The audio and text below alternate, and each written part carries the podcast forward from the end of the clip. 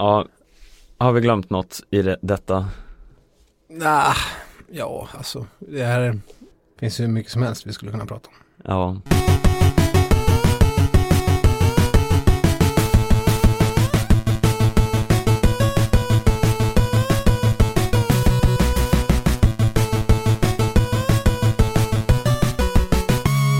Ja men hallå skidsnacks lovers.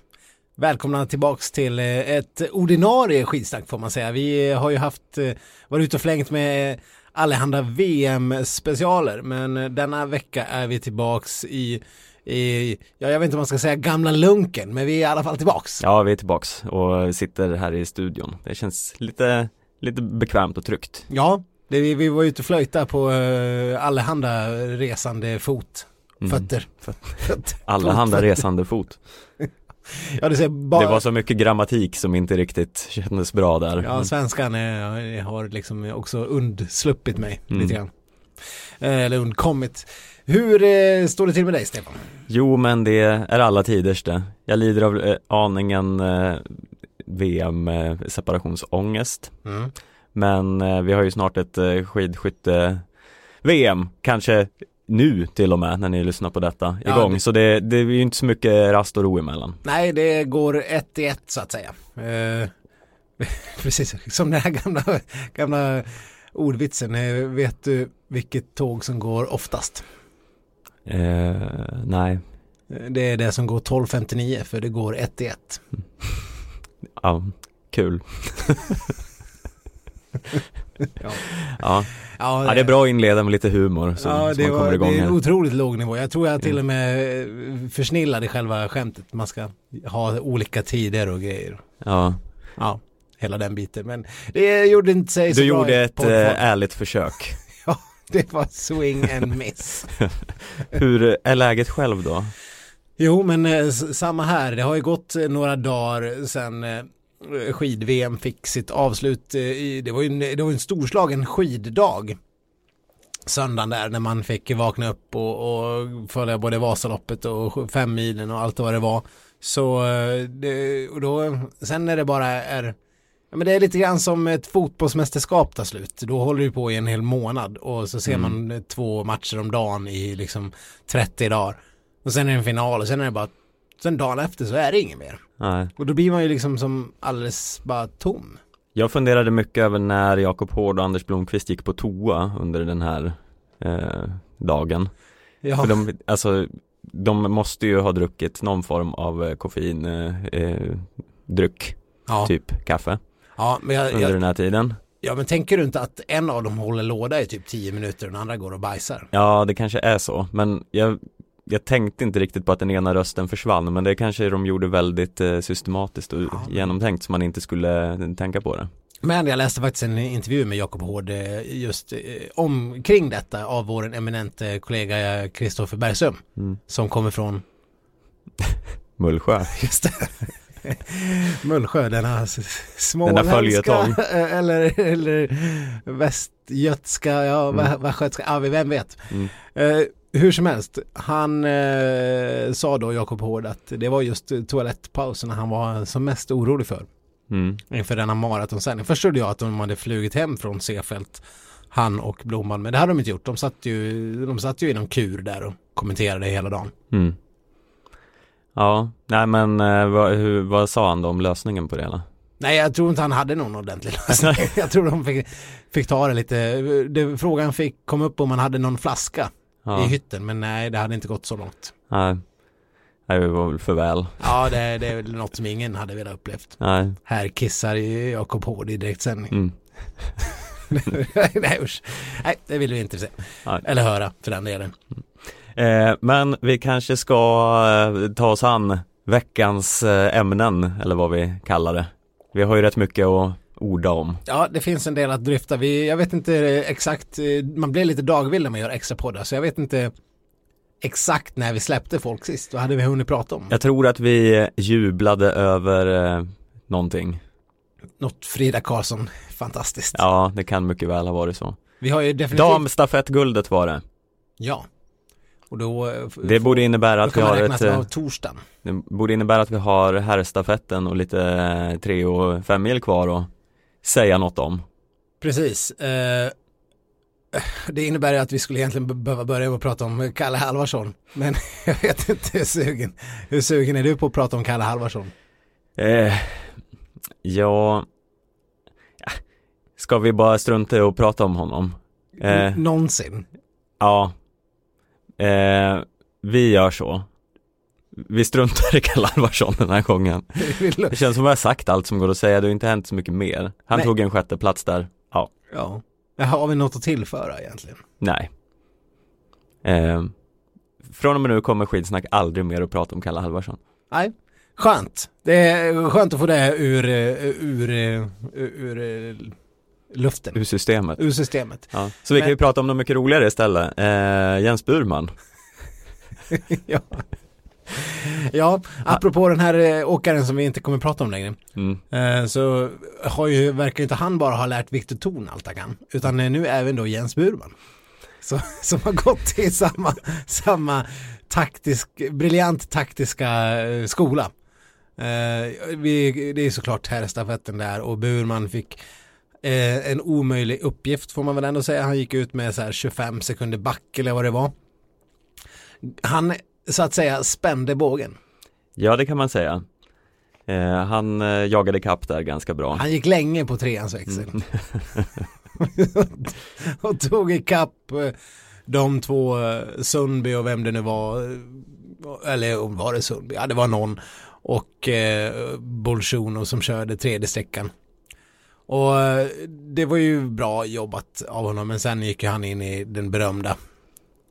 Och fick lämna över med ännu mer back till, för Viktor Thorn. Mm. Men Jag ska säga det, jag kollade på hans vlogg här eh, om dagen. Burmans. Ja, och eh, han förklarade det här lite med att han hade dåligt glid. Okej. Mm. Va- Så han kunde inte hänga med när han hade, han, eh, han halkade efter i alla nedförsbackar. Jaha. Mm. Ja, ja. Ja, och sen var det som att luft, proppen och luften gick ur bara. Ja, inte proppen, utan luften gick ur när Viktor Thorn tog vid. För att man, man hade ju ändå något drömscenario där att han skulle kunna eh, börja plocka och alltså, det var lika, han kunde lika gärna toksatsa. Han hade ju verkligen ingenting att förlora. Det, han hade ju redan ett uselt utgångsläge. Och då kan man, då kan ju, om han hade toksatsat och kört igen 40 sekunder på två kilometer, då hade jag inte sagt någon till någonting alls. Det hade ju varit helt rimligt. Man måste Mm. ändå försöka göra det man kan eh, när man har ett sånt hopplöst utgångsläge i en stafett. Se, ligga där och fis, köra då. Är ju inte riktigt samma sak som att göra en toksatsning på tredje sträckan när man kanske har ett litet mer ansvar. Vi såg ju vad Paris gjorde på tredje sträckan, eh, vilket var en mycket smartare approach till, eh, till att hämta ikapp eller hur man ska åka. Men ja, det blev som det blev för Torn. Han, eh, det hände ju ingenting. Nej, nej det, han gav ju upp på en gång. Ja, och det var väl lite trist. Ja, men ja, visst. Det, det kändes ju inte som eh, så kul att se. Å andra sidan så det var ju för mycket. Han hade ju inte kunnat göra någonting där. Men det hade ju varit kul att se någon form av fighting spirit i alla fall. Ja, ja men när man eh, när man såg att Ostjugov och Kläbo fisåkte, Mm. vilket de gjorde stora delar av sin sträcka. Och samtidigt tar Viktor Thorn in noll sekunder. Mm. Då blir man ju lite, jag, eller jag blev i alla fall ganska, vad, vad fan gör Eller vad, varför händer ingenting? Mm. Det spelar ingen roll om, det är ju inte de man skulle komma i, i fatt i första hand, men rimligtvis så borde han ha tagit massor. Mm. Men det är väl det här psyket eh, som har smittat av sig från personen vi inte nämner vid namn längre. Ja. Som eh, genomsyrar laget lite grann. Ja. Ja, och eh, femmilen blev väl inte någon, eh, någon eh, mer upplyftande historia heller för svenskt vidkommande. Det var väl eh, det de här halv okeja placeringarna som vi Okej, okej, förlåt men ja, jag måste bara bryta in med ett litet instick om personer vi inte ska prata om mer någonsin. alltså, personen som vi inte ska prata om någonsin uppges ju väldigt ofta ha som väldig fart Mm. i sig. Han har sån fart. Mm. Alla har sett hur sån fart han har i kroppen. Ja, Vilket mer börjar, mer börjar likna någon jätte eller Sasquatch eller Snöman. Det är liksom, folk har hört talas om Loch Ness monsters- monstret. mm. Folk har liksom eh, hört talas om det här. den här farten. Folk har påstått sig ha sett den här farten. Mm. Men det finns inga som helst bevis för att den egentligen existerar. det skulle lika gärna kunna vara en myt. Ja, Jag menar visst, någon kan komma dragande och säga ja men för, för tre år sedan är det bara, bara, bara ja okej, ja en gång för tre år sedan då kanske eh, det här farten någon gång har visat sig för mänsklighetens öga. Eh, men jag vet ändå inte om det är sant för det. men betyder det här alltså att vi kanske inte borde snacka så mycket skit om personen vi eh, inte ska nämna vid namn? Eh, Nej, men utan att vi borde bara eh, acceptera att det är här, så här bra personen vi inte pratar om är. Ja, men vad jag skulle komma till var ju att personen i femmilsloppet blev nerspurtad av Martin Jonsrud Sundby och Tjur Röte. Mm. Hur bra är de på en sprint? Eh, inte så bra. De är ju sämst. Ja. Sämst på en sprint. Mm. Om man ska hävda att någon person har någon form av fart då får man väl ändå begära att en sån person ska kunna spurta ner Tjur Röte och Martin Jonsrud Sundby. Ja. Så vi kan väl begrava alla former och tankar på att den här personen har någon form av fart. För personen har ju uppenbarligen ingen fart. Tills någon skymtar det här eh, i sjön där Den, ute. den mytiska farten. Den mytiska farten. Ja. Det kommer ju med jämna mellanrum. Ja, Men måste nämna kanske det roligaste som hände i femmilen som, eh, som ingen känner till. Eh, det här känner ju bara folk till som har tittat på Jens Burmans vlogg. oj, oj, Mm. det har inte jag sett. Det här är en incident som eh, hände Björn Sandström som blev så mycket som 44 i loppet. Han eh, berättar det här själv då i eh, vloggen. Eh, att eh, han glider in för att byta skidor. Eh, ja men kommer in där, spänner på sig skidorna, drar iväg. Sen tittar han ner och bara eh, Men jag heter ju inte Kaishi Naruse Utan jag heter ju Björn Sandström Så han har skidat iväg på japanens eh, skidor som låg där intill Ja. eh, Och eh, de var inte så bra De här skidorna, de passade inte riktigt hans spann Nej. eller sådär Eller så hade de Ja- Japan ett dåligt vallateam Något var det som i alla fall inte gick så bra Nej.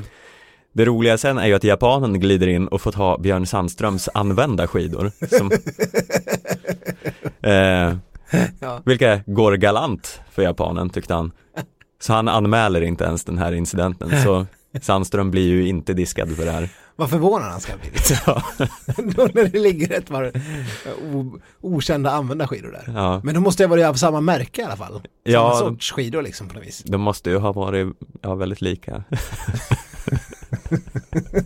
Ja, ja, i och för sig. Jag hade ju faktiskt hört talas om det. Jag, jag, det är ändå någon som har skrivit om det här. Ja, Man behövde inte ha sett Jens Burmans blogg. nej, okej, ja, men det är ju min största eh, nyhetskälla så Ja, Det är dit Ja. jag går först, sen Ja. kollar jag sådana här sajter som typ Aftonbladet och sånt ja, ja, visst. mm. Sekundärkällor. Ja, Mm. Nej, alternative media precis.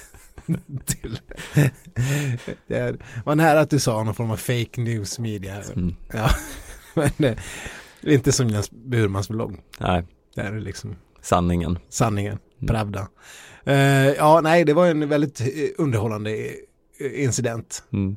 Kul att japanerna ändå fick, kände att det var ett uppköp Mm. någonstans. Men eh, Björn Sandström, han eh, beskrevs i någon artikel som ung Mm. och han är väl 24 tror jag. Ja, Ung och lovande och jag vet inte. Ah. Ah, vi ska inte tjata på om det. Vi kan ju prata om en annan som är ung och lovande och som faktiskt eh, var den som i princip lite grann på egen hand räddade upp det svenska mästerskapet medaljmässigt. ja, Utan henne här hade vi hamnat på tre eller två medaljer. mm. ja, Frida Karlsson tar alltså då brons i tremilen och åker därifrån med ett guld, ett silver och ett brons. Ja. Det är ju rätt otroligt. Ja, det är ju helt eh, sinnessjukt. För det är ju ändå lite så här om man, eh, för man ska tänka hur den här säsongen har varit så ja, man har ju varit superglad över Ebba Anderssons eh, framgångar och man har ju tänkt att ja, ja, men den här säsongen är säsongen då Ebba Andersson tar ett stort kliv och blir våran superstjärna. Sen lite bara kommer en till och glider förbi eller upp jämsides och är liksom en till eh, likadan som bonus. Helt plötsligt har vi två. Mm. Här hade man ju, eller hade du trott det här innan den här säsongen började? Nej, nej, det kan man, det skulle ju vara förmätet att säga det. Mm. Men vi har ju, för folk som har lyssnat på oss har vi ju, vi har ju, vi har ju lobbat för Frida Karlsson sedan day one. Absolut, vi har ju lobbat för henne, men det har ju varit ganska mycket på någon form av eh, lite hopp och eh, tro att hon kanske kan eh, få åka någonting och göra ett lite så här halvbra resultat. Ja, men redan ganska tidigt så visade hon ju att hon var absolut ganska, eller alltså säkerligen topp 3-4 av våra distansåkare i Sverige. Ja, gud ja. Eh, och det, det, vi... inte, det, det, såg vi i början av säsongen. Och jag tror att eh, jag, jag själv satt och drömde mig bort till en eventuell VM-medalj för Frida Karlsson några veckor innan eh, VM. Men det var ju inte som att jag på något sätt trodde att det skulle bli så. Nej, nej det är, det, det är dagen innan eh, skiathlonloppet så tippade jag ju fortfarande eh, att eh, det var Ebba Andersson. Mm. Eh, om hon hade lyckats kunna åka. Som hade eh, tagit någon medalj. Eh, men sen att Frida tar två individuella. Hon har ju gått förbi Ebba. Ebba har ju ingen individuell medalj i ett mästerskap. Nej. Det har ju nu Frida. Ja. Hon har två. Tror du att Ebba är lite kränkt över det här? Ja, okay, ja, kanske inte kränkt, men jag tror hon är lite bitter. ja. Den här förkylningen kom ju så jäkla olägligt, för vi såg ju på de sista SM-loppen innan jul. Hon var ju, hon var ju, Ebba var ju briljant. Mm. Och hon under världscupsäsongen briljant. Såg ut som den andra klart lysande stjärnan bakom eh, Johaug flera gånger om. Mm. Och vi förutspådde att hon skulle ha medaljchans i varje lopp hon skulle ställa upp i. Mm nästan så att vi, vi hade, vi, vi hade, det skulle vara medalj varje Ja, det var medaljgaranti minns jag. Ja, att vi utlovade ja någonstans. precis. Vi, jag menar i tre milen skulle ju Johaug och Ebba bara få sina medaljer. Lät, mm. lät det på vissa skidpoddare. Mm, så kan det ha varit. Och så jag vill fortfarande hävda att vi hade rätt. Mm. Bara det att det kom den här förkylningen som uppenbarligen eh, tog mer skada på henne än vad det var. Mm. Annars, jag tror inte det var hennes psyke som gjorde att hon helt plötsligt blev en medelmåtta. Nej, och med tanke på sjukdom så, ja, hon gjorde det ju ändå helt okej okay, liksom. Det som var mer bekymrande tycker jag är ju Charlotte Kallas hon har ju haft sådana där säsonger förut när hon har gått från att vara jättebra tills att få typ hjärtflimmerattacker och sen bara vara dålig och sen vet man inte hur det ska gå inför mästerskapen och sen har hon rätt upp det eller, eller så i år har hon ju varit jämn och bra hela säsongen. Mm. Fram tills några veckor innan VM. Ja. Och sen hittade hon aldrig riktigt formen. Hon gjorde ju egentligen bara en riktigt bra insats och det var i stafetten. Mm. Eh, då hon ju var superbra, då hon var gamla superchalott. Men det är lite oroväckande att hon Ja, man tycker inte att hon ska kunna misslyckas med att pricka formen. Ja, hon har ju varit det väldigt, eller hon har ju varit väldigt bra på det tidigare. Så det är ju lite konstigt att se. Men ja, jag vet inte. Även hon ska väl missa och formtoppa någon gång. Jag tycker att det, för det är ju väldigt mycket snack nu så här eh, bland gemene man att nu när vi har fått två nya skidstjärnor att bara, ja men kan inte Charlotte bara gå och pensionera sig? Är det väldigt mycket snack? Ja men jag tycker det är väldigt mycket snack. Jaha. Jag tycker folk eh, är lite så här, ja men hörru du gamla, gamla gumma. Gammelmormor ja. som hon kallar sig själv. Ja, men nu ska vi hejda oss lite här. Ja. Vi, vi vill ju ha Charlotte Kalla kvar i landslaget i ja, ett antal år till. Verkligen, hon eh, skulle ju utan eh, problem kunna köra över nästa OS. Ja, vi vill ju absolut ha henne till nästa OS. Det är ju tre år kvar, hon, är, mm. hon, är 30, hon blir 32 i år. Mm. Så då skulle hon vara 30, 33 eller 34. Mm. Eh, när det är OS, det är ju ingen ålder på en skidåkare. Nej, så nej, jag tycker bara liksom lägg ner de idéerna. Vi, vi behöver fortfarande Charlotte Kalla. Hon är ju liksom en viktig eh, kugge i det svenska eh, distanslaget. Ja, och nu, det visar ju inte minst här i stafetten, det var faktiskt hon som ändå la grunden till hela alltihop. Jag menar Frida gjorde det jättebra, men det var inte som att hon eh, gjorde den avgörande insatsen i stafetten, utan det var ju Charlotte Kalla och mm. eh, norska förbundsledningen. Mm. som vi också har att tacka för deras eh, ja, halsbrytande taktiska miss. Ja, ja men det är ju ändå... fint att de kan göra något sånt ibland i alla fall. Men ja, men hur, hur gick, alltså blev de så skrämda av Frida Karlsson? Att de, att det var därför de bytte? Eller jag fattar inte riktigt. Mm. Ja, det verkar ju så. Det finns väl ingen annan förklaring till det. Men eh, ja, nej, ja, det, man önskar ju inte så här att det ska gå rätt ut eh, illa för, eh, för folk. Men det är ändå lite kul att även Norge kan bara liksom göra taktiska missar de också. Så att det inte bara är personen vi inte nämner vid namn som gör så. Ja, ja men, men om jag försöker sätta mig in i deras huvuden så det enda jag kan tänka mig att de, att de, scenariot de såg framför sig, för de hade ju Sveriges lag på eh, pappret redan innan de gick ut med sitt lag. Eh, vilket då var eh, Ebba på första, Frida på andra, Charlotte på tredje och Stina på fjärde.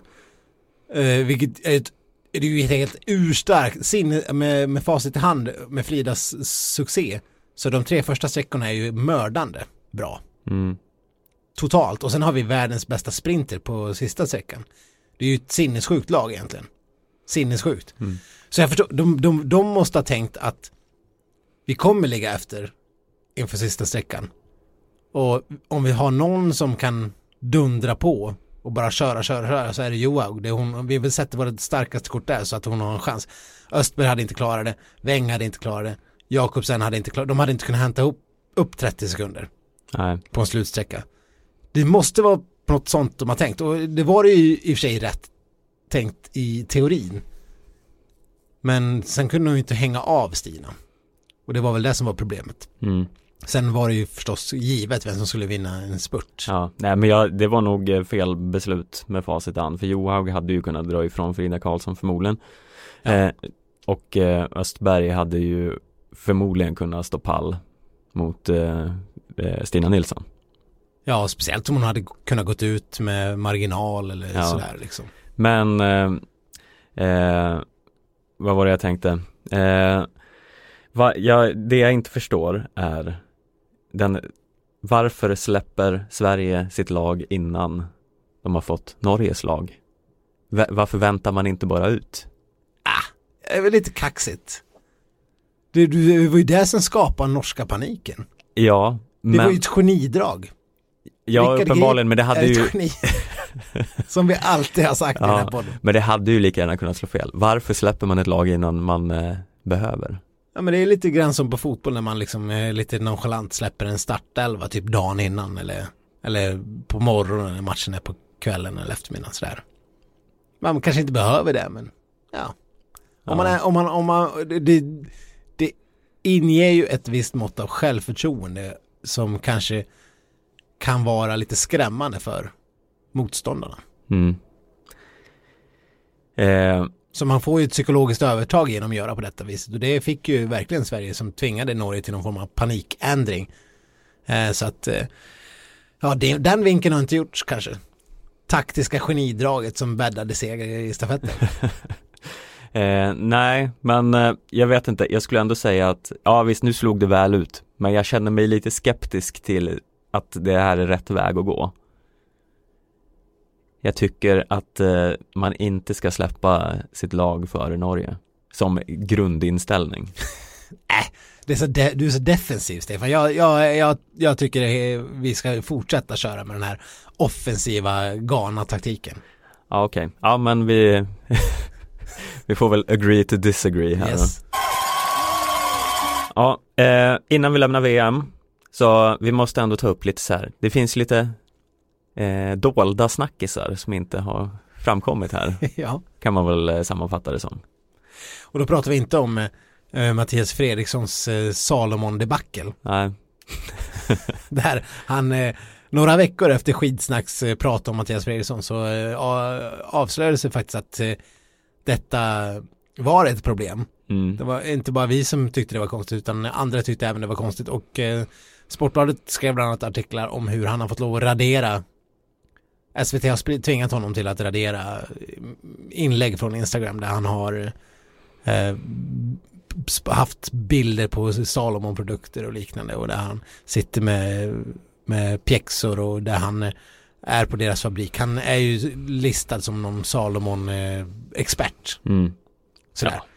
Eh, så där fick vi ju rätt. Ja, man kan väl bara sammanfatta det där som så extremt klantigt från både Fredrikssons och SVTs håll. Ja, Hur kan man inte ha märkt det där?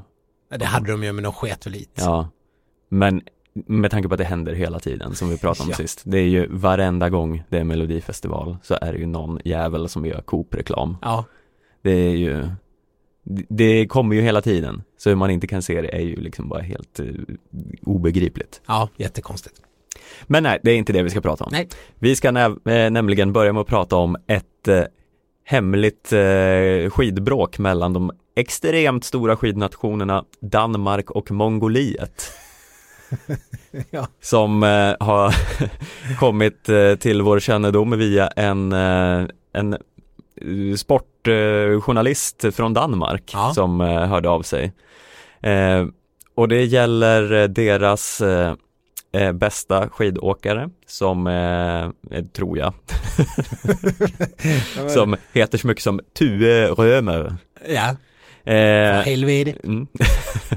Ska du prata danska nu Ja. hela resten av podden? dansk. Bra.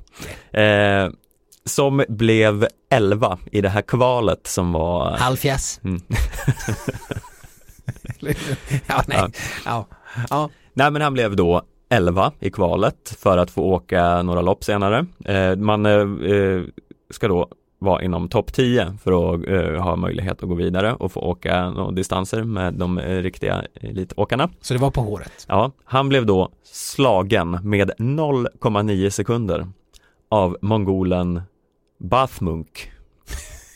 Ja. Eh, och ja, ja, det var ju trist att bli slagen Det är det på det här Kalle. Anka-loppet de har eh, första dagen på VM. Ja. Så då eh, går ju han före och ska få åka eh, något lopp.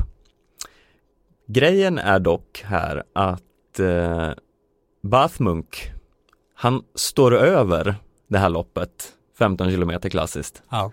Eh, för att han, eh, han har bara enligt uppgift då från, eh, från den här danska sportjournalisten Mm. är bara där för att få prispengarna som eh, FIS faktiskt delar ut till de här eh, som eh, kommer topp 10 i kvalet. Eh, och sen, eh, alltså han cashar helt enkelt in och drar hem till Mongoliet. Ja. Och då kan man ju tycka att då borde Tue Römer få den här, jag vet inte om jag uttalar det här rätt. men- Nej, nej. Men eh, borde få liksom glida in och ta den här mongolska platsen. ja, men så funkar det inte. Nej.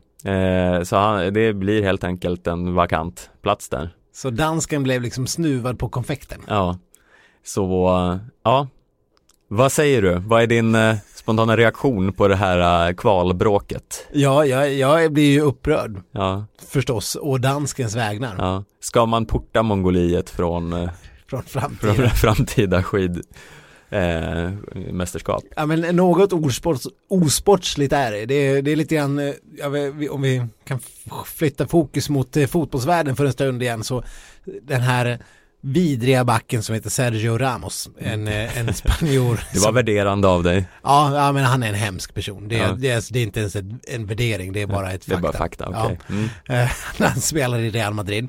Eh, avskyvärd män- människa. Han eh, slet axeln av eh, Mohamed Salah i, i eh, Champions League-finalen. Mm. Usch. Mm. Men eh, inte nog med att han hatar muslimer. Han eh, gjorde en sån ful grej här. Förlåt, det- vet jag ingenting om. Han, han gjorde en väldigt ful grej här mot Ajax i första matchen när Real Madrid ledde med 2-1. De hade gjort 2-1 i slut. Så tog han ett avsiktligt gult kort. Och sen var han inte nöjd med det. För han gjorde det för att slippa bli, alltså han skulle kunna bli avstängd i matchen efter. Returen. Som eh, Real Madrid bara skulle liksom breeza hem. Och så skulle han slippa vara riskera att bli avstängd inför första kvartsfinalen. Men eh, han var dum nog att erkänna det här i eh, intervjuer efteråt, att han tog det här gula kortet avsiktligt. Och då svarade Fifa med att stänga av honom i två matcher. Mm. Alltså så han ändå skulle missa första, kvarts, första kvartsfinalen. Men Real Madrid torskade ändå mot Ajax i retur med 4-1 så de åkte ur ändå. Mm. Så det var en dubbelsmäll för Ramos. Eh, och lite den typen av osportslighet är det ju kanske att ställa upp i ett kvallopp och sen skita i att åka själva loppet man har kvalat till och snuva en annan på en plats. Mm. Det var ju exakt samma sak som Permakoski gjorde i början av säsongen. Ja, Det var ju sig bara att hon inte åkte en final i någon form av finskt lopp. ja, Det känns inte lika allvarligt Nej, som men att här- snuva någon på en VM-plats. ja. Här borde man ju definitivt göra så att för att få de här prispengarna måste man ju de facto åka loppet Ja. man har kvalificerat sig till. Det är väl en ganska enkel eh, regel att införa. Precis, precis som i Vasaloppet när man kan inte bara Ja men jag kör till Mångsboden och tar alla spurtpris, sen kliver jag av och dricker blåbärssoppa resten. Mm. Man måste ju åka färdigt loppet. Ja, ja men eh, verkligen. Så det, eh, i det här extremt uppmärksammade skidbråket så kan väl skidsnack ta en tydlig ställning här i alla fall. Har det liksom danska och mongolska eh, diplomatiska förbindelserna brutits? Ja, det, ver- det verkar så. Har du hört någonting? Har, har liksom Danmark kallat upp den mongolska ambassadören och Ja, skickat hem dem? eh, de håller på att utveckla kärnvapen i detta nu. Ja. Sluter EU upp kring Danmark och liksom eh, samtliga utvisade tio stycken random mongolska diplomater. Ja, ja nej, det blir intressant att se utvecklingen. Vad här. säger Stefan Löfven? Ja, Man vill ju, man vill, man vill ju veta, eller Ja. vad, vad heter hon som är Margot? mm, Vi borde haft Margot på länk. ja. Eh, vi får ta det nästa gång. Men apropå Stefan Löfven.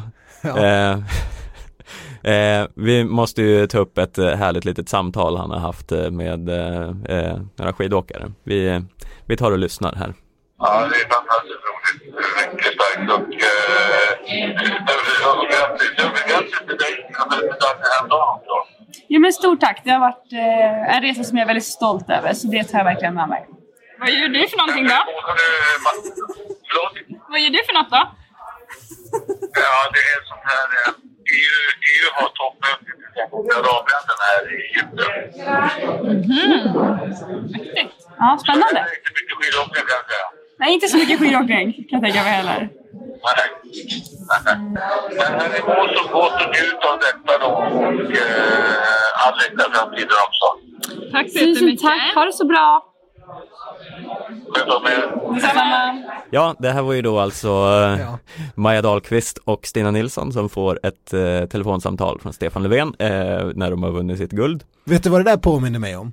Nej, Det är som om du någon gång pratar i telefon med en, med en, liksom en släkting som du inte brukar prata med i telefon. ja, Om du, om du har blivit grattad på födelsedagen eller av någon anledning måste prata med någon mm, som du typ känner men som du egentligen inte känner. Någon, någon så här faster som du kanske inte egentligen ska prata med. ja, Och då blir det den här liksom stela, ja men, eh, ja, ja men eh, annars då?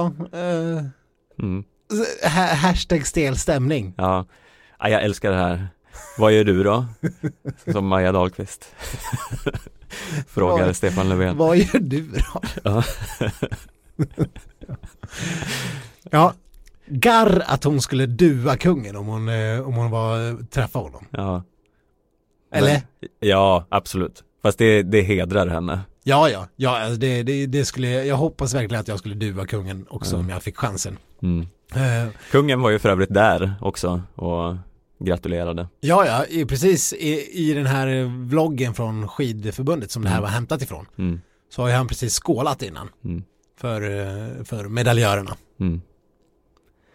Eh, ja, och han eh, höll ju ett väldigt eh, vackert tal typ. Grattis, sa han. ja. ja, men kungen han har ju hållit låda hela VM. Han var där typ hela tiden. Mm. Ja, men eh, han har väl inte så mycket att göra. Det är fan kungligt att vara kungen då. Bara, nu vill jag åka på VM och eh, hänga i Seefeld och liksom hänga med åkarna och gratulera. Och Ja. sen vill, när OS är han alltid där. Och, ja, Men eh, skönt liv. ja, jag måste ändå säga att Stefan Löfven är ju inte heller världens mest sprudlande människa i det här samtalet. Han, han måste också känna lite, åh, fan, nu måste jag ringa här och prata med den här fasten. Men han, han slänga in så här eh, ett litet skämt om hur lite skidor man åkte i, vad var det, Egypten? Ja, men han har väl suttit och repat en halvtimme innan vad han ska säga. Nej, han känns väl ändå halv avslappnad. Ja, nej, jag vet inte. I, I den här situationen var det, det var lite obekvämt. Jag tror han kan ha ett, jag tror att han skulle kunna ha ett mer eh, ostelt samtal med någon än kungen. Eh, ja, absolut. Eller i och för sig, jag tror att eh, Knugen skulle kunna vara lite mer, om det inte är kameror i närheten så tror jag han är mycket mer tillfreds. Ja.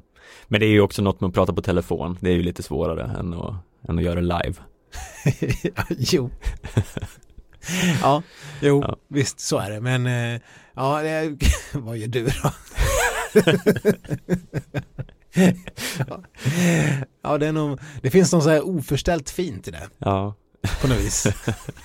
ja men det är artigt. Man frågar väl något tillbaka. vad gör du då? Ja, det är det man frågar. Det är också en öppen fråga. Eh, det är lite som att prata med barn liksom. Man kan inte fråga liksom, eh, har du kul? Ja, nej. Nej. Ja, Mm. Nej, precis. Nej, smart. Ja. Smarta Maja. Mm.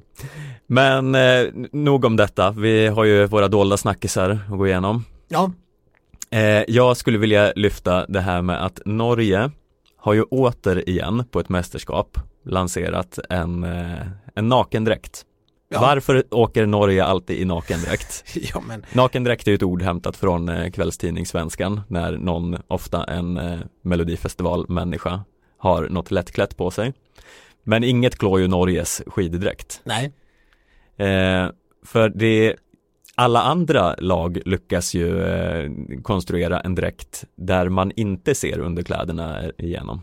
Ja, för jag, det, är märkligt, det, det märkliga i sammanhanget tycker inte jag är att Norge har en nakendräkt. Det märkliga är att alla andra inte har en nakendräkt. Ja, Vi vet ju precis hur, alltså skidåkare är ju den största gruppen av klottet, klosset eh, nudister Ja. som finns hela liksom, i idrottsvärlden. ja, De borde ju vara simmare allihop för de älskar ju visa upp sina kroppar. ja. Det är ju något som, det är ju fakta också. Det I och jag. för sig så här, för Norge tog ju ändå eh, typ alla guld, Ja, alla utom två. Så det är ju, är det nakendräktens förtjänst? ja, precis. Bara det. Ja, De har, de har kommit fram på den här, med den här teknologin som vi pratade om i en podd tidigare som vi önskade att Sverige skulle vara de som först skulle uppfinna. mm, Det här är skidvärldens motsvarighet till highfence-dräkten. ja. Jag gör en uh, U-sväng här, eh, helt plötsligt. Jag rasar inte längre mot Norges nakendräkt. Jag, jag kräver nakendräkt från alla andra nationer, Ja. i synnerhet Sverige då. Ja, precis. Ja, ja, alla andra behöver inte vara det, men Sverige framför allt. Ja, men det finns ju, eh, jag har noterat ett litet eh, problem med eh, eh, den här eh, nakendräkten ur ett rent sponsorsperspektiv. Okej. Eh, för eh, det finns ju en som sticker ut mer än alla andra och det är Kläbo. Ja. Eh, han har ju Och är hans nakendräkt ännu mer naken än de andras nakendräkt? Eh, nej, men grejen är det att han, för den här nakendräkten är ju designad av eh, Daly, alltså eh, sportmärket Inte Daly. Björn. Eh, ja, alltså det är väl han som ligger bakom det får vi väl anta. Designen eller märket. Jag vill veta allt om Ja, eh, jag kan inte uttala mig hur mycket han har varit inblandad i nakendesignen här. Nej. Men eh, han eh, är i alla fall en, eh, eh, ja, Norges motsvarighet till eh, Björn Borg, Ja. eller Salm, Börje Salming. Ja. Och då kan man ju tänka sig att norska landslaget bara ska fronta Dali-produkter. Mm. Men Kläbo, han har ju tagit på sig ett par, jag har kollat upp det här eftersom det syns i genomdräkten. Mm. Han har Björn Borg Court Borg Performance Shorts på sig Mm. under. Det här har jag alltså, det här ser man när man eh, tittar igenom hans eh, nakendräkt. Det är någonting med norska åkare och svenska kalsonger. Ja, Vi har ju sett flera bilder på när Petter Northug åker runt med Tiger of, eller poserar med Tiger of Sweden kalsonger. Mm. Men det här är ju då ett eh, problem att eh, Kläbo åker runt där och gör reklam för Björn Borg eh, under sin dräkt. Ja men det är väl fint. Ja, ja, det är fint för, ur svensk synvinkel. Ja. Men jag tänker att eh, varför rasar inte Norge mot det här? Nej men de är inte så mycket för att rasa i Norge. Nej. Nej, de bara rycker på axlarna och tänker att det är, ja, det är, det är kämpefint. Mm. Eh, ja, okej. ja, men, har du sett en rasande norrman? Ja, i och för sig Tönset. ja, ja, han är den enda. Den där, inte ens när liksom Ostejogo förs- försöker liksom smiska upp eh, Kläbo i någon form av eh, duell. Nej, bara kämpegrejt. Kämpegrepp ja. ja. Han såg ju mer frågande ut till vad Ja. var som överhuvudtaget pågick. Mm. Eh, Världens sämsta boxare måste komma från Norge. De har ingen aning vad, de, vad, vad, vad står vi här för? Mm. vad gör jag i den här ringen? ja, Varför ska jag ha stora vantar på mig? Mm. Akkurat, ja, kämpegrejt. ja. Ja, okej. Nej, jag verkar inte få så mycket Du gör inte ditt till för att trissa igång det här Nej. eh, eh, raseriet Mycket fin spaning. Jag gillar, ja. alltså varumärkesintrång mm. kan man ju nästan kalla det. Det Ja. tycker jag, eh, när det går så här åt rätt håll så är det ju dumt att rasa. Mm. Ändå. Ja, så mer nakendräkt och mer svenskt under nakendräkten Mm. Verkligen. Men eh, du hade någon annan eh, spaning kring eh, den, eh, alltså det här VMet var ju överlag ganska patetisk medaljfördelning på för att Norge tog alla guld förutom två damstafettguld som Sverige tog. mm. Eh, så det, det var ju, ja, det är inte så mycket att prata om det vad det är. Men eh, det finns ju en sport till som är, eh, en del av VM. Nordisk kombination. Ja, eh, nej men jag känner så här, det vissa dagar har det varit lopp och man är van vid att det ska komma ett till lopp. Eh, för att de, de kör inte damer och herrar samma dag här. Så då vill man ju ha något mer och då finns det ju eh, backhoppning ofta som ingår i mästerskapet. Ja. Och backhoppning kan ju ändå så här, när man väl kommer in i det kan det ju vara lite kul. Man fattar ungefär vad det går ut på. Ja, men det är Du så ska här, hoppa så långt som möjligt. Ja, efter ett tag så när man har sett x antal österrikare och japaner hoppa så blir man ju lite inne i det, åh fan vad långt han hoppar. Ja. Det, det finns ju något med den sporten, även om vi inte har några svenskar med. Apropå det, hur länge har de inte hoppat på snö? Eller alltså glidit? För nu är det ju typ stål de åker på. Jag har för mig att det åtminstone tidigare var att de gled på is. Ja. Är det här en fråga? Ja, har du koll på det här? Du som är numera nordisk kombination-expert. Jag skulle väl kanske inte vilja titulera mig som expert än, men Nej. jag hoppas gärna kunna bli i framtiden. Okej, vad skönt. Vilken kommentator var det som fick den hedersamma uppgiften att köra nordisk kombination-racet i VM egentligen? Ja. Eh, jag vet inte riktigt. Men grejen är här, det jag vill komma till. Okej, förlåt. är Jag, vet, jag såg bara samtalet framför mig. Du ska få ner och kommentera VM, eh, Anders. Ja. Fan vad kul, härligt. Vad, vad blir det? Blir det fem milen, tre milen? Ska jag liksom axlas in i roll? ja, det blir lagtävlingen i nordisk kombination. ja. Ja. Nej, fy fan. Nej men det grejen är det. Nordisk kombination är ju då alltså backhoppning och längd i, ja, det är ju, det är en väldigt konstig kombination kan man tycka. Eh, men eh, den hade ju kunnat gjorts lite roligare. För som det är nu, det är ju så här, om de har först har hoppat sitt hopp och sen Ska det vara ett lopp mycket senare baserat på någon form av resultat i backhoppningen? Det, är så här, det finns ju ingen relation emellan, särskilt inte när alla har hoppat i så lag och sen ska det vara någon form av stafett som är helt frikopplad från backen. Jag börjar ana ett, ett skidbytesmoment här. Ja, men jag menar det finns ju, en, liksom, man kan ju lätt se varför skidskytte är en kul sport. Ja, Det är ju två skilda moment som sammanflätas i en helt underbar kombination. ja, Det skulle ju även nordisk kombination kunna vara. ja, Eh, man ska ju givetvis göra det här samtidigt. ja, Man hoppar. Ja, och så glider man upp in i någon form av eh, bytesfolla ja, där man eh, byter till ett par vanliga skidor. Och under den tiden har ju det här eh, längden och doma eller juryresultatet hunnit komma upp. Mm. Och det här översätts ju då direkt i någon form av straffrunda eller motsvarande ja, eh, som man får åka och sen ger man sig ut på sitt eh, fem kilometers varv eller vad det nu är man Ja. ska åka. Och så sen kommer nästa direkt efter och så sen eh, eh, följer de varann enligt eh, ja, någon så här minutsdifferens eller vad det är. ja. Hör du inte vad roligt det här hade varit att se? Det Ja. hade ju blivit en helt briljant sport. Ja, eller så här. Man har, man kör en liten stafett fast ett lag kör åt gången varje gång. Mm. Så här, eh, Pelle börjar för Norge Mm. och kör ett backhopp. Icke, väldigt onorskt namn. Uh, Håvard, Håvard, ja. Håvard börjar för Norge, kör ett, ett backhopp. Eh, glider upp på kullen och, och får liksom så här glida ner till, eh, till Kjetil Mm. som, som står redo iklädd längdskidkläder. Mm. Så att de gör en växling. Mm. Håvard pat, pa, klappar Kjetil på armen. Kjetil drar iväg. Mm. Kör liksom eh, två kilometer, tre, jag vet inte hur långt det ska vara. Mm. Och sen avslutas nästa växling uppe i eh, höjdhopps, eh, höjdhopp, vad heter Ja. det? Vad är det de håller på med? Back, back, Back, backhoppnings. hoppningsbacken. Precis. Och vem står där? Jo, där står eh, Arild. Ja. Då är det Arilds tur att köra ett backhopp. Och sen när Arild väl eh, kommer ner och ska växla över, ja då är det ju Håvard som har redan satt på sig längdskidkläderna. Mm. Och som kör sin längdskidsträcka. Ah, Och sen ja. kör man så tills alla fyra eller tre eller hur många man vill ha, har kört. Mm.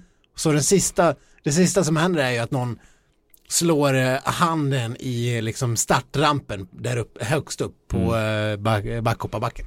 Ja, men det måste ju fortfarande in någon form av eh, straffrunde situation eller något så att eh, det här längden på hoppet Eller, eller tiden det tar att utföra stafetten får ju, man får ju dra av Antalet hoppmeter Ah, okej, får ju ja. ha någon form av eh, relevans i det här, hur mycket, hur mycket avdrag man får göra på totaltiden. Alltså jag, är, jag tycker det här låter svinbra Med den lilla reservationen att det, kan, det låter rätt farligt att köra längd först Och sen ge sig ut i den här backen Ja men det, ja, ja fast det gör man ju inte. Man, man, ja, man får ju ändå vila i typ 10 minuter, en kvart. Ja, Så det är ju inga problem. ah, okej okay.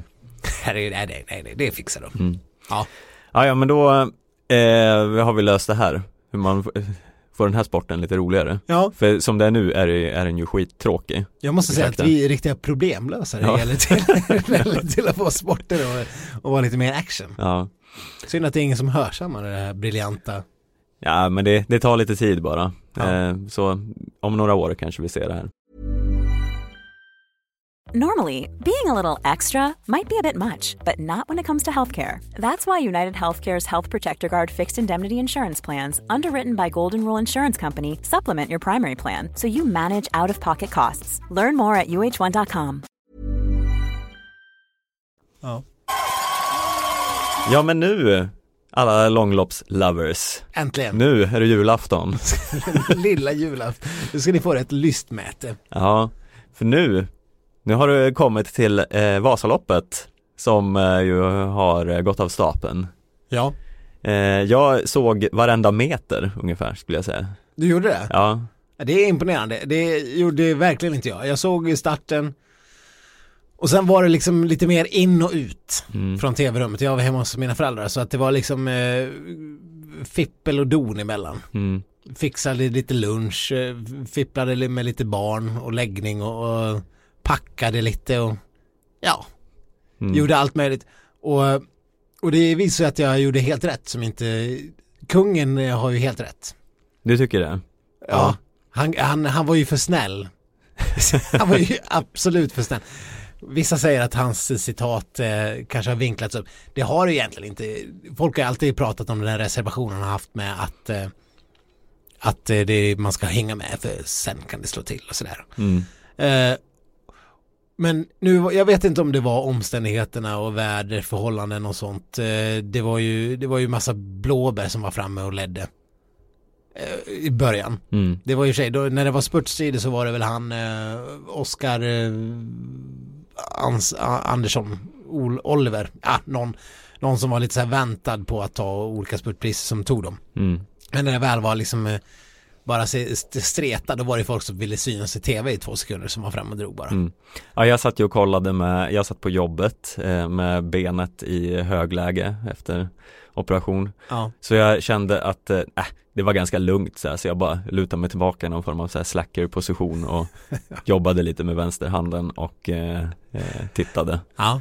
Och eh, ibland frågar någon som bara, ja men han den här eh, Pelle som leder nu, eh, vinner han eller? Bara, nej, För det var ju alltid en Pelle uppe, Ja. eller en Olle, Ja. eller en Håvard. Ja. Och sen eh, försvann de när det verkligen började dra ihop sig, så som det alltid är. Ja, och nu var det faktiskt eh, tråkigt eh, oerhört länge. Mm. Det var, för det första får man väl säga, fy fan vad vidrigt det såg ut med spår och förhållanden. Ja, herre, jag har aldrig varit så glad som nu att, jag, att det här var ett år man inte har bestämt sig för att åka. Alltså, inte ens de som låg längst fram hade ju spår. Äh, och gud, det såg så hemskt ut. Och det tog ju en evighet Alltså man också. tyckte synd om elittäten. Ja. Då, då kan man ju liksom tänka sig de här, ja, de här stackars tjommarna 8-10 tusen eh, åkare efter. Ja. Äh, det, det såg riktigt rövigt ut. Åh, herregud. Men eh, sen var det ju ett astråkigt lopp. Mm. Eh, ja, det mest spännande som eh, inträffade, det är ju den här debatten som eh, uppkom efter. För det blev ju så att eh, Tore Björset Bärdal eh, vann efter att ha ryckt eh, någon kilometer innan mål, minns inte hur långt Det var innan det var. typ 4-5 kilometer från mål. Ja, eh, ungefär vid samma ställe som han blev uppåkt förra året när han försökte rycka. Och eh, då svarar hans eh, lagkollegor i Team Koteng Ja, det eh, var ju aldrig liksom några enorma marginaler han ledde med. Det var liksom 15-20 sekunder, det, det var kanske var lite längre än någon sådär. Men sen de sista kilometerna mot mål så klungan gjorde ju några riktiga försök att ta sig kapp. mm. Ja men alltså de, de lägger sig och bromsar då lite när han rycker eh, Vilket eh, har lett till en form av folkstorm Ja. Jag har suttit och gått igenom eh, kommentarsfält och sådana här eh, minerade platser Det brukar på internet. vara en upplyftande. Ja, som bara inte kan förstå hur eh, Jakob och Blomman kan hylla detta som någon form av taktisk triumf. Nej. Att det här är vedervärdigt och hur man kan ligga och bromsa eh, och låta någon sticka att det är osportsligt och förjävligt och hej och hå. Ja. Så vad är dina two cents, Stefan? Eh, nej men jag skulle väl vilja säga så här, varför åker ni inte bara om då? Ja. Alltså, så här, man, man har ju lite av ett eget ansvar att äta i kapp. Och det var ju inte som att de inte försökte. Det var ju, nu minns jag inte vilka det var, men de gick ju upp där och låg eh, eh, före eh, de här gulklädda eh, före detta United Bakeries Just som de hette förut. Eh, vilket var ett mycket roligare namn. Ja, verkligen. Eh, håller mycket mindre på dem nu när de har bytt till något annat. Ja. Eh, men, nej men vadå? Jag förstår inte vad folk är arga över. Det är väl bara att, då får man väl gå upp och åka förbi och kämpa ikapp. ja. Det är väl klart att eh, om man åker i ett lag, att eh, de andra bromsar om det finns läge. Det var ju ingen svensk som gnällde över eh, Hellner och Olsson eh, triumfen. Eh, när Sverige låg och bromsade Nej. och bäddade för ett eh, OS-guld. Nej, verkligen inte. Och, men jag, jag kan samtidigt förstå, jag jag hade bland annat en nära släkting, Mm. en nära manlig släkting. Mm.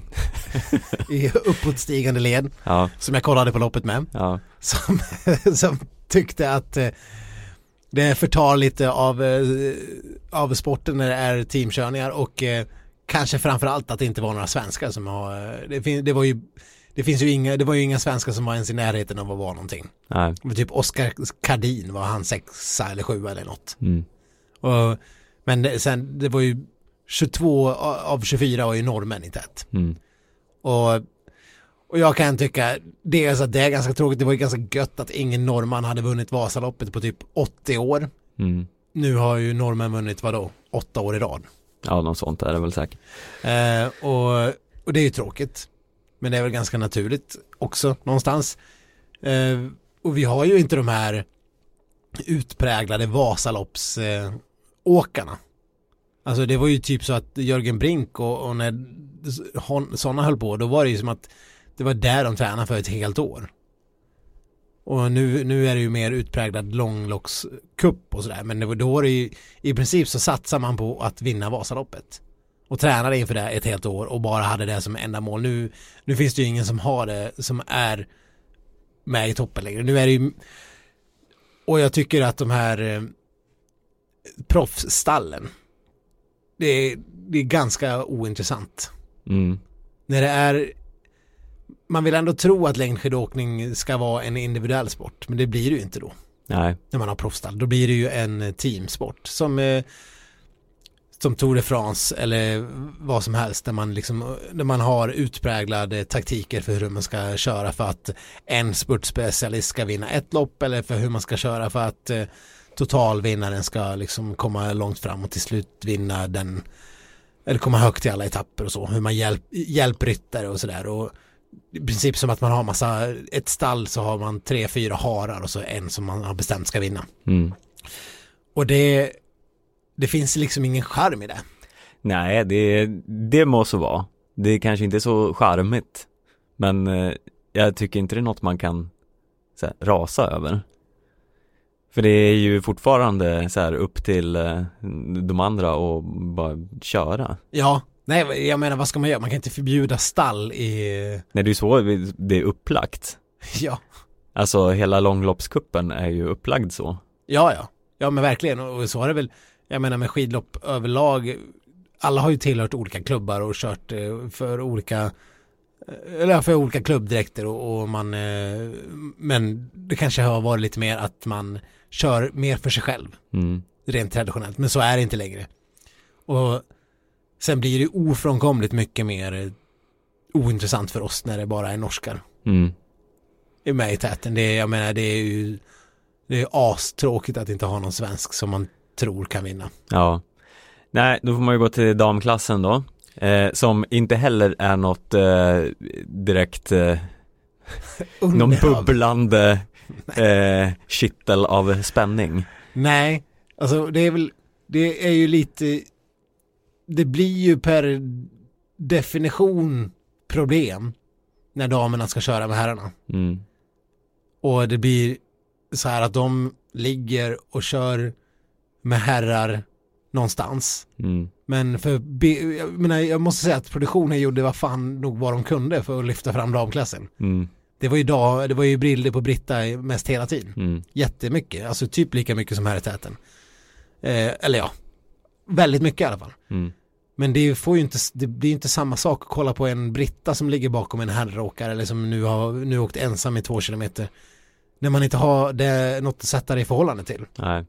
När de inte kan, kan väl för fan ha åtminstone någon virtuell eh, ställning med, jag tar lärdom av längd eller landsvägs eller med cyklingen då. Där man kan hela tiden, Tour de France är ju helt jävla briljant. De har appar där du kan sitta och följa åkarna hela tiden och den här klungan är så långt från den klungan. Det är lika här, skidåkarna har ju, har ju GPSer på sig. Mm. Och det, man måste kunna göra grafiskt mycket mer spännande i tv. Se här är, ja vad heter hon, hon som är näst bäst? Lina Korsgren, Nej, Smutna. Smutna. Precis. Här är Smutna och nu är hon bara så, hon är 10 sekunder och för förra kontrollen var hon 12 sekunder och nu är det så. Och hon ligger med dem och hon får bra draghjälp där. Det måste ju kunna gå och göra spännande.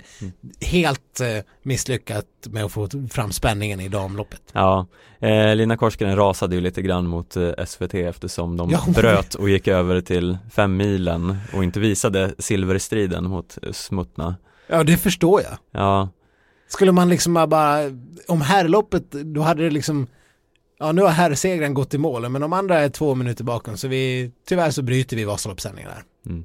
Nej, det hade man ju inte gjort. nej, samtidigt så drog ju det här loppet ut på tiden med en 40 minuter mot för vad man kanske hade tänkt. Ja, ja. Eh, och fem milen hade börjat och Ja, jag vill ju mycket hellre personligen se fem milen än eh, vem som kom tvåa i dam-Vasaloppet. ja, ja faktiskt. Eh, sen är det klart att det är olyckligt att de inte hann visa det, men det, det var ju, det var ju inte direkt en, De ett, var, ett uttänkt drag av SVT. de som var väldigt intresserade av vem som skulle komma tvåa i Vasaloppet, de kunde ju ändå se det på SVT Play gissar jag. Förmodligen, Eh, eller något. ja. Så att det känns väl inte som någon jätteförlust på det här viset. Men eh, om vi ska prata mer om den här teamkörningen så ja, det blir tråkigare men eh, ja, långloppskuppen har ju gjort att det är mycket tråkigare också. Ja, eh, jo men så är det ju. Det, det eh, om, eh, Långlopp var mycket mer spännande för tio år sedan när det var när det var liksom så här random åkare mest som eh, var med och körde och eh, man kunde se lite grann världscupåkare som ställde upp och körde vissa långlopp. Så det ser man ju inte alls i samma utsträckning nu för tiden. Nej, det är någon eh, ibland som eh, testar vingarna. Ja, Men eh, det brukar ju sällan nå till, tillräckligt långt. nej nu måste man vara en utpräglad långloppsspecialist för att kunna åka där. Och då blir det de här stallkörningarna och visst, det är ju man, ja, i cykel funkar det på något vis men här blir det bara ointressant, kanske för att det bara är normen. Mm. Ja, eh, jag vet inte om vi ska hoppas på att fler svenskar eh, eh, satsar på långlopp. För det skulle ju kanske få, behöva ta dem från någonstans, typ från den, den roliga eh, världskuppen. Så vi kanske bara liksom ska låta det bero. Ja, nej, vi, vi pratar väl om långlopp en gång om året. Det är väl, det är väl, det, det, det funkar väl ganska bra. Ja, Och apropå Vasalopp. Eh, du har någon form av chockerande helomvändning på gång. ja, jag trodde ju aldrig att det här skulle hända. Men när jag satt där och kollade så fick jag en liten, det, det kom ett litet sug. Trots att det såg för jävligt ut. Pillrade till i vänstertån. Ja, lite så. Det började liksom bara Ja. spritta lite och så här bara, ja, Du var som en sån kanske. förlamad som helt plötsligt började kunna liksom vicka Mm. lite på tån. Ja, Ja. eh, nej men jag kände något litet så här, ska, ska man kanske åka nästa år? Var det de här nio milen i motvind, osladdriga ospår och eh, piskande snö i ansiktet som, som gjorde att lockelsen helt plötsligt kom tillbaks? Nej, jag, jag tror helt enkelt att människohjärnan är på något sätt eh, sjuk. Ja, Att den, eh, den förtränger sådana här hemska minnen och eh, får en att vilja liksom, jag vet inte, live-uppleva det igen. ja men det, är- det är därför folk skaffar barn igen. De Ja. inser inte hur, hur jobbigt det var. Nej, Det har man glömt bort. mm. Det är precis så det är med dig och din, din Vasalopps eh. Du har glömt bort hur jävla pissigt och eländigt det egentligen var. ja, Och, och du bara kommer ihåg de här små glädjemomenten. ja, Nu, jämför, nu menar inte jag att ska- skaffa barn var pissigt och eländigt och det finns små, små glädjemoment. Ingen jämförelse i övrigt. Men, ungefär. men eh, med tanke på att fin, kvinnor är ännu värre att föda barn Mm. igen. Mm. Det är ju osannolikt. Men ja, vi pratade om att anmäla oss. Ja, det kanske blir så. Vi har eh, någon eh, vecka till på oss att ta det definitiva beslutet Ja, här. vi får väl ändå meddela lyssnarna hur vi gör. Ja, men det, det finns en eventuell liten, liten plan här. Ja. Men vi får väl eh, återkomma till detta. Osvuret är bäst. Ja. ja, innan vi eh, lämnar er den här veckan så måste vi ju ändå eh, ta upp det här med domen mot Johannes Hösflot Kläbo. Ja, just det. eh, som kom idag i poddandets stund. Eh, han körde ju då bil för ett tag sedan. Han är inte så bra på att köra bil. De, brukar, de norska skidstjärnorna, det är, köra bil är inte deras gebit. Nej. Eh, Johannes eh, ligger bakom en bil som stannar vid ett övergångsställe där en 12-årig flicka ska gå över. Ja. Johannes väljer att istället för att trycka på bromsen så trycker han på gasen eh, och kör in i bilen framför. I denna bil sitter en gravid kvinna och hennes man. Ja. Eh, eh, kvinnan klarar sig bra, mannen får eh, skador och blir sjukskriven i typ ett halvår. Samtliga tre, eller om man ska säga fyra med det här fostret som kvinnan bär på, kör, Ja. körs ju till sjukhus. Ja, eh, den 12-åriga flickan skadas också lindrigt. Mm. Eh, och eh, ja, det här är ju såklart en olycka. Han eh, menar väl inte att trycka på gasen. Men, eh, sjukt. Ja, för då hade han ju varit eh, en mördare. Eller eh, i alla fall någon form av lunatic. Ja. Eh, men ja, det här var ju extremt klantigt och det var väl tur att det gick så pass bra som det gjorde. Men nu har ju då Kläbo i alla fall fått eh, domen för det här. Det blir 10 000 i böter och eh, villkorligt eh, fängelse. 10 000 i böter för honom är ju ingenting. Nej, eh, han fick ju frågan hur mycket han tjänar då i rätten. Det var väl, han visste inte riktigt i månaden, men någon miljon om året eller sådär. Mm. Eh, ja, så det var ju, det var ju kaffepengar. Ja. Liksom. Men det som är det mm, sjuka i den här situationen, det är ju hans kommentar efteråt. Han, eh, han lägger upp en eh, Instagram-bild där han har photoshoppat in sitt ansikte på eh, ett sådär, vad heter det, mugshot. Ja, Eh, någon i orange fångdräkt. Ja, som står och håller upp eh, en sån här namnskylt eller vad man kallar det. Ja. Eh, och så har han, vad är det han har skrivit där egentligen? Han eh, skriver, Ha en fin dag, tumme upp. ja. Och jag vet inte, är inte det här lite osmakligt i sammanhanget? Extremt, Ja, extremt osmakligt. Det är alltså domen han får för att ha skadat en man så pass allvarligt att han har varit sjukskriven med ryggskador i sex veckor. En 12-årig flicka blev påkörd av en bil medan en gravid kvinna i den bilen som, som körde på 12-åringen också var tvungen att ta sig till sjukhus. Och då lägger han ut någon skämtsam fängelsebild om hur jävla Ja men i princip, han, han kom ju undan med en slap on the wrist. ja. Ha en fin dag, tumme upp. Vad, vad tolkar man in i det?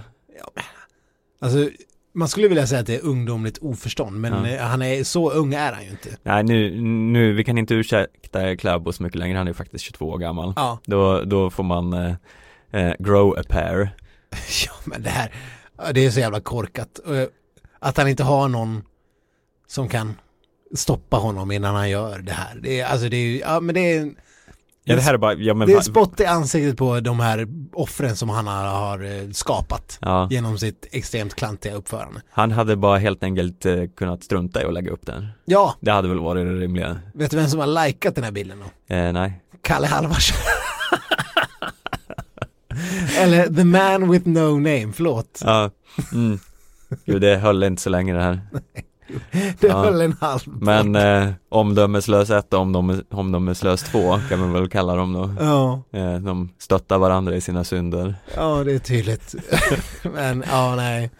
Nej, ja det är, ja det är så dumt. Mm. Och det är väl ingen i Norge som kommer kritisera honom för den här domen. Det är ju, de, de skulle ju aldrig säga något ont ord om eh, lilla Johannes. Nej.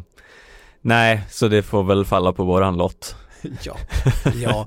ja, vi kan gärna såga honom jäms fotknölarna. Väx upp för i helvete, säger jag. Ja, ja, ja, ja I concur. Men herregud, innan det här blir årtusendets längsta podd så ska vi väl ta och runda av. Ja. Vi kommer ju vara tillbaks eh, snarare än man eh, kanske hoppas. Bara om en vecka igen.